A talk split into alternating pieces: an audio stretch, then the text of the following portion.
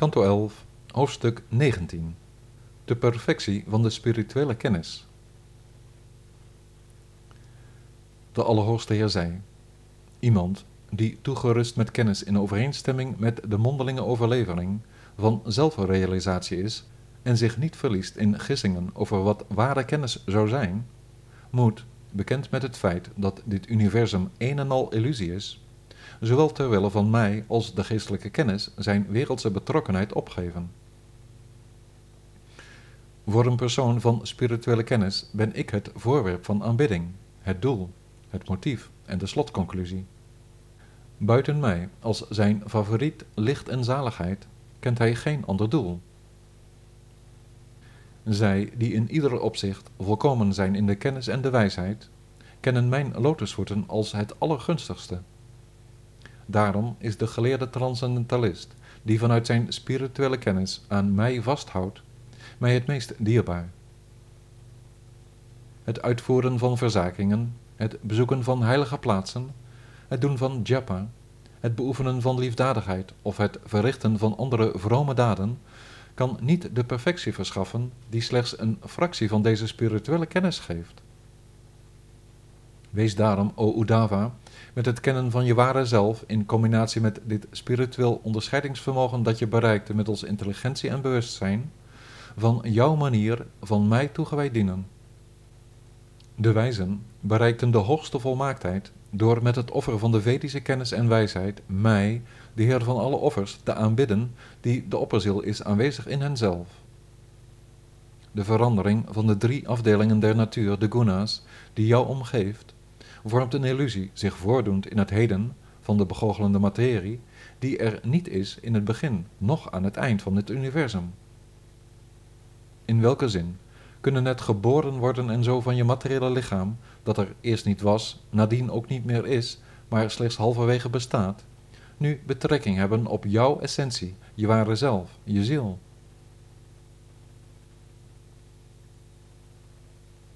Sri Udava zei, O Heer van het universum, o jij in de gedaante van het universum, verklaar alsjeblieft de yoga van de toewijding voor jou, waar ook de groten naar streven. Deze toewijding omvat de uitgebreide, volmaakt zuivere kennis begaan met onthechting en wijsheid, die de goedkeuring wegdraagt van de gevestigde verhalentraditie.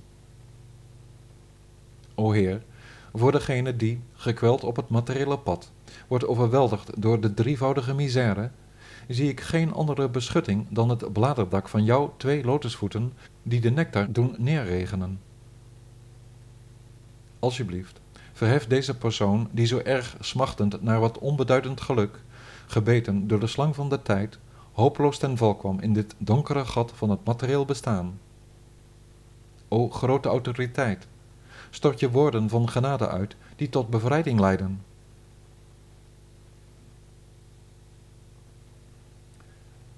De Allerhoogste Heer zei. Deze vraag werd in het verleden door Yudhishthira, de koning die niemand als zijn vijand beschouwt, gesteld aan Bhishma, de beste onder de verdedigers van het Dharma, terwijl wij allen aandachtig luisterden. Nadat de oorlog tussen de nazaten van Bharata was afgelopen, vroeg hij, overmand door de vernietiging van zijn vrienden en verwanten, na te hebben vernomen over de vele religieuze beginselen, tenslotte wat bevrijding, moksha, inhoudt. Ik zal je beschrijven wat werd vernomen uit de mond van die aan de goddelijkheid gezworen ziel, Bhishma, ten gunste van hogere kennis, onthechting, zelfverwerkelijking, geloof en toegewijde dienst. Die kennis, aan de hand waarvan men het ene element van de geest, van het absolute, de superziel, de Heer, herkent in de negen, elf, vijf en drie elementen van al de levende wezens, wordt door mij gewaardeerd als zijnde hogere kennis, jnana.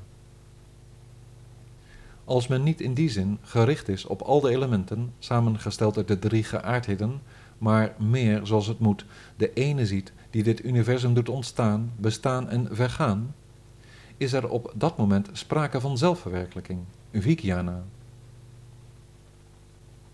Dat wat aanwezig is in den beginnen, er halverwege bij is van de ene schepping tot de andere, en zich nog steeds handhaaft als alles zijn vernietiging vindt, is wat men als eeuwig en waar beschouwt.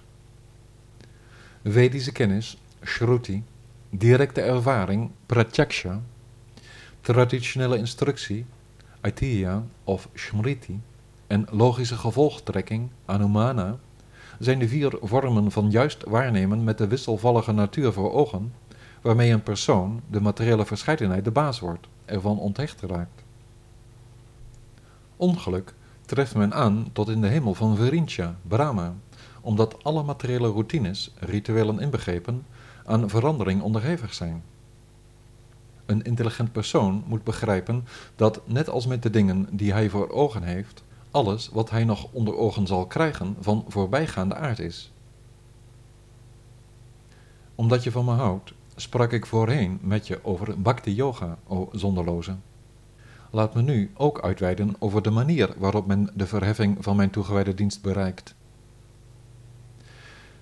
Geloof in de nectar van de vertellingen over mij, steeds mijn heerlijkheden reciteren, bezingen, gefixeerd zijn op ceremoniële aanbidding, zich met lofzangen en gebed tot mij verhouden, hoge achting hebben voor mijn toegewijde dienst, eerbetuigingen brengen met al zijn ledematen, van eerste klas verering zijn voor mijn toegewijden, denken aan mij als zijnde aanwezig in alle levende wezens, alles wat men normaal doet aan mij opdragen, mijn kwaliteiten met woorden beschrijven, zijn geest aan mij opdragen en alle materiële verlangens afwijzen, te mijnen willen wilde opgeven, afzien van zinnelijk genot en materieel geluk, van opoffering zijn met liefdadigheid en het brengen van offers, japa doen en zich aan geloften en verzakingen houden terwille van mij, zijn de verschillende vormen van religiositeit waarop mensen van overgave o Udava opklimmen naar de liefdevolle dienst aan mij. Welk ander doel zou er voor mijn toegewijde nog overblijven om te bereiken? Als in vrede verkerend het bewustzijn is verzonken in de allerhoogste ziel, bereikt men, gesterkt door de geaardheid goedheid, religiositeit, spirituele kennis, onthechting en volheid. Maar als men gefixeerd op de materiële verscheidenheid zijn zinnen najaagt in alle richtingen en zo een gevangene is van zijn hartstocht, moet je weten dat men met dat materialistische bewustzijn, gewijd aan zaken van voorbijgaande aard, het tegenovergestelde bereikt. Van dharma zegt men dat het leidt tot mijn toegewijde dienst, en van spirituele kennis, jnana, dat die leidt tot het getuige zijn van de aanwezigheid van de superziel. Onthechting, vairagya, heeft het verlies van belangstelling voor de objecten der zinsgenoegens tot gevolg, en de volheid culmineert in de mystieke perfecties van anima en zo meer. Sri Uddhava zei.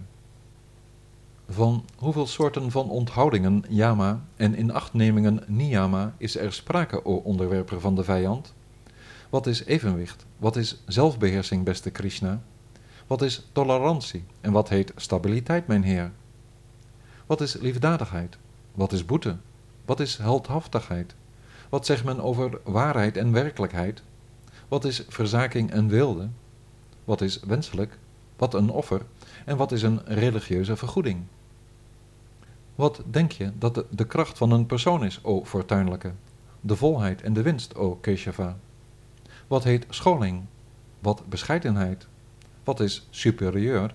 Wat schoonheid? En wat is geluk en ook ongeluk? Wie heet geschoold? Wie is een dwaas? Wat is de ware weg en wat de dwaalweg?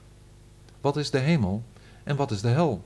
En wie noem je een vriend en wat heet een thuis? Wie is welvarend? Wie is arm? Wie is een ellendeling en wie een meester?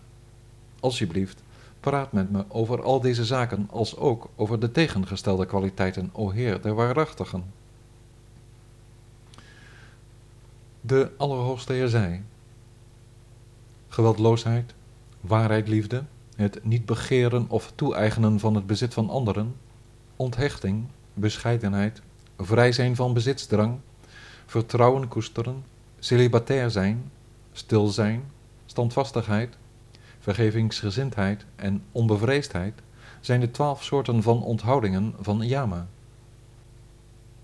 Reinheid van binnen en van buiten, japa doen, boete doen, offeren, geloof, gastvrij zijn, mij aanbidden, heilige plaatsen bezoeken, zorg dragen voor het welzijn van anderen in deze wereld, tevreden zijn en het dienen van de geestelijke leraar, zijn de twaalf inachtnemingen van Niyama. Deze twee keer twaalf soorten principes en plichten, die mensen zich heugen en achten, mijn beste, leveren resultaat op, zoals zaligheid of voorspoed, naar gelang ieders verlangen. Mentaal evenwicht houdt de verzonkenheid van de intelligentie in mij in. En zelfbeheersing betekent het disciplineren van de zinnen. Tolerantie houdt in dat men ongeluk moet verdragen en stabiliteit betekent het overwinnen van de tong en de geslachtsdelen. De hoogste liefdadigheid houdt in dat men de roede opgeeft anderen te bestraffen. En bij het opgeven van de lust denkt men aan boete doen. Men is een held als men zijn neiging tot materieel genieten overwint. En er is werkelijkheidszin als men de ene, de Heer, gelijkelijk aanwezig ziet. Vriendelijk, zo zegt men, is men anders of waarachtig met de bewoordingen der wijzen. Men spreekt van reinheid als men onthecht is van het verrichten van productieve arbeid. En in geval van verzaking spreekt men van sannyasa, de wereldverzakende orde. Voor mensen vormt religiositeit de na te streven wilde, en ikzelf, de meest fortuinlijke, de Allerhoogste Heer, ben het offer. Het loon der geestelijkheid is wijs onderricht, en de beheersing van de adem vormt de grootste kracht. Volheid is mijn goddelijke aard. Winst is mijn bhakti. Scholing is het teniet doen van de verdeeldheid van het zelf. En bescheidenheid, schaamtegevoel, is de weerzin tegen onjuist handelen, zonde. Schoonheid houdt het hebben van goede eigenschappen in, zoals het onthecht zijn van materieel verlangen en zo. Geluk houdt in dat men boven zowel materieel geluk als leed staat. Ongeluk bestaat uit vertrouwen op het lichamelijk geluk van de lust. En een wijs iemand is iemand die onderscheid kan maken tussen bevrijding en gebondenheid. Een dwaas is iemand die zich identificeert met zijn lichaam en zo meer, het denken, etc. De juiste weg is de weg die tot mij leidt. De dwaalweg moet worden begrepen als de weg die leidt tot verstandsverbijstering. En de hemel moet men zien als het overwegen van de geaardheid goedheid. Hel is het domineren van de geaardheid onwetendheid. De ware vriend is de geestelijke leraar die ik ben, mijn beste vriend. En het menselijk lichaam is je thuis. Iemand rijk aan goede kwaliteiten wordt rijk genoemd, terwijl iemand die ontevreden is een arm iemand is.